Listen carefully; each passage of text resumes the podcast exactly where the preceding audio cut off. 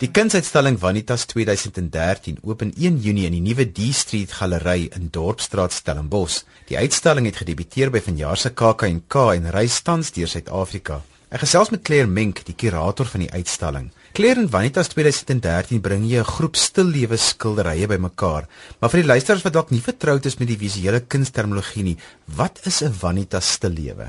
Die term vanitas eh, kom van die latynse woord wat uh, losweg vertaal kan word as ydelheid en dit uh, verwys na die Nederlandse en Vlaamse stillewe kuns van die 17de eeu. En dit kan uh, daar baie duidelik gesien word aan die simboliek van skedels, rookuurglase, vis of dooie diere, vrugte, insekte soos vliee en skoenlappers en seepbelle. En ehm um, dit dit is soort van 'n paradoks in sigself dat uh, dit aan die een kant praat van die ehm um, sensuele volbloedigheid van die lewe wat gevier word en aan die ander kant herinner ons dat ons wel moet sterf en van die verganklikheid van faam in die lewe. Nou is die uitstalling 'n poging om die Vanitas te lewe te vernuwe binne 'n kontemporêre konteks. Ek het 20 skilders genader met wie ek nou al 'n lang uh, verhouding as kollega het en um, van hulle ken ek nou al 'n paar dekades en, uh, en ander het ek nou onlangs ontmoet en ek dink net hulle is almal opwindende skilders wat op die oomblik in Suid-Afrika werk en um, ek wou sien waarmee hulle opkom as hulle die tema kry om te, te skilder. Nou ek sien 'n rits van Suid-Afrika se voorste skilders neem deel aan die uitstalling name soos Johan Lou, Andrius Gous, Anton Karstel, Ingrid Winterbag en Simon Stone is op die lys. Vertel ons 'n bietjie meer van die individuele werke en hoe hulle omgaan met die Vanitas tema. Ja, ek het natuurlik uiteraard 'n paar skedels gekry. maar ehm um, die kunstenaars het vir my kreatiewe ehm um, pogings uh, aangewend om om skedels te vernuwe in ehm um, kontemporêr voor te sit.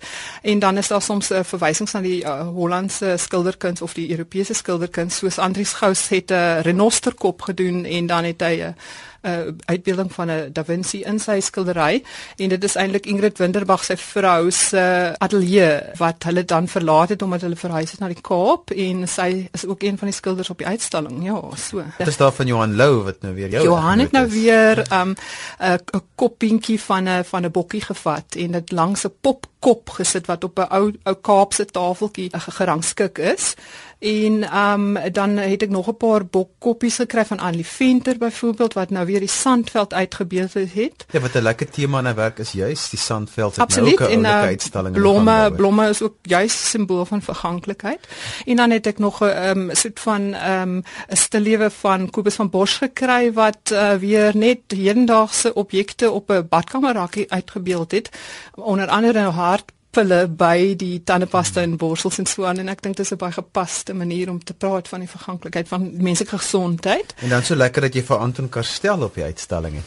Ja, Anton het ons 'n groot werk gegee uh, wat eh, 'n uh, kop is met 'n tipe van 'n borsstuk aan vas en dit ek dink dit verbeeld 'n tipe van 'n lijk maar in 'n baie soort van 'n Is dit in die tipiese Anton Karstel styl geverf? Mense sê altyd hy verf iemand met sulke lang arms wat jy staan so ver in sy werk of en hoe verder jy staan nou hoe meer well, kom die prentjie by mekaar. Ehm um, skilderagtig en dan daai tonale waardes wat mense nou gewoond is aan uh, van hom se so bruine en gryse, né? En dat jy ja. ook vir Henk Serfontein wat nie so bekend is vir sy stillewes nie, wat ook baie bekend is vir sy landskappe en nagtonele. Dis reg, Henk het vir my uh, stillewes gegee waar hy ehm um, byvoorbeeld uitbeeldings van poskaarte van uh, skilderye deur Lucien Freud op 'n tafel geplaas het en ge, uh, uitgebeeld het en dan met met Suid-Afrikaanse verwys verwysing soos 'n boek uit sy jeug of 'n uh, emalje teepot en 'n uh, Swiss Army knife en ek hou van nogals van die kontraste ja. En dan sommer nog so 'n laaste opmerking wat het jy op die uitstalling?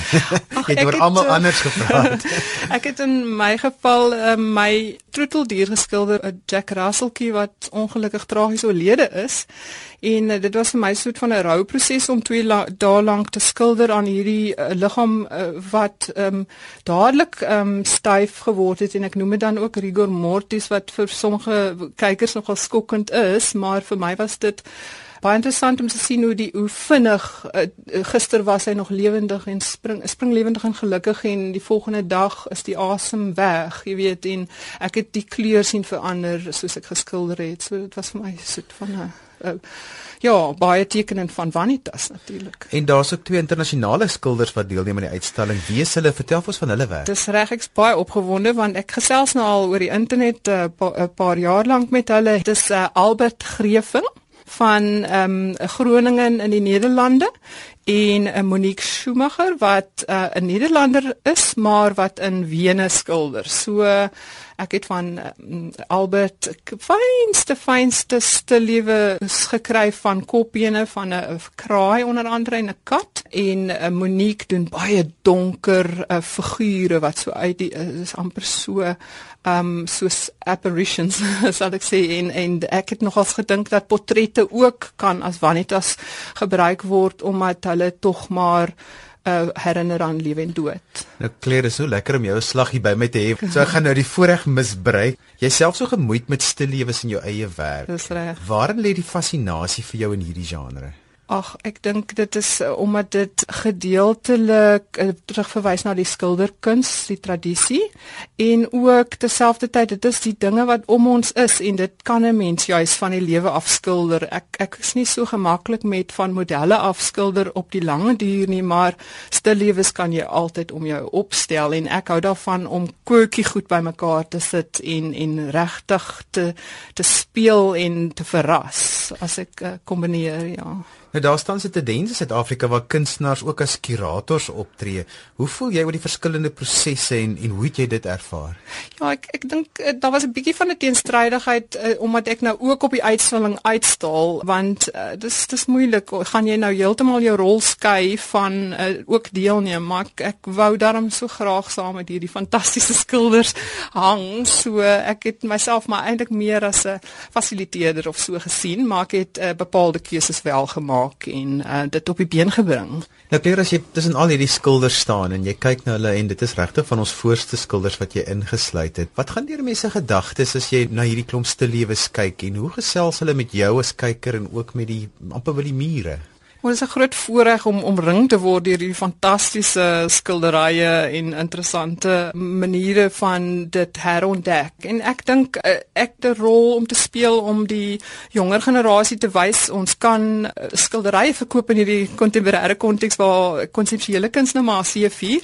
En ek ek wil graag hê die skilderye moes met mekaar praat en ek dink dit is baie opwindend om hierdie hierdie skilders teenoor mekaar te sien. Nou wanneer oop die uitstalling tot wanneer kan die publiek dit besigtig? Dit oop die 1 Junie by D Street Galery in Stellenbosch en eindig uh, midde Julie.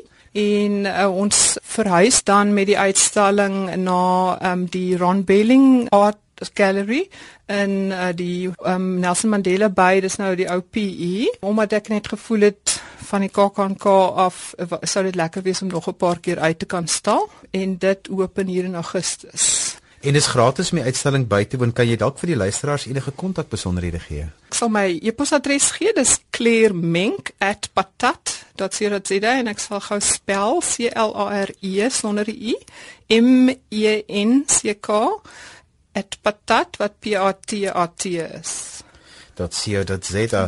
Claire, dan nog net 'n laaste vraag. Jy het onlangs 'n internasionale eer gekry. Is uh, gekies om ehm um, na te selfportrette 5 uh, eh, in totaal uit te stal in die Paula Modersohn Becker Museum in Bremen uh, later vanjaar uh, in Oktober.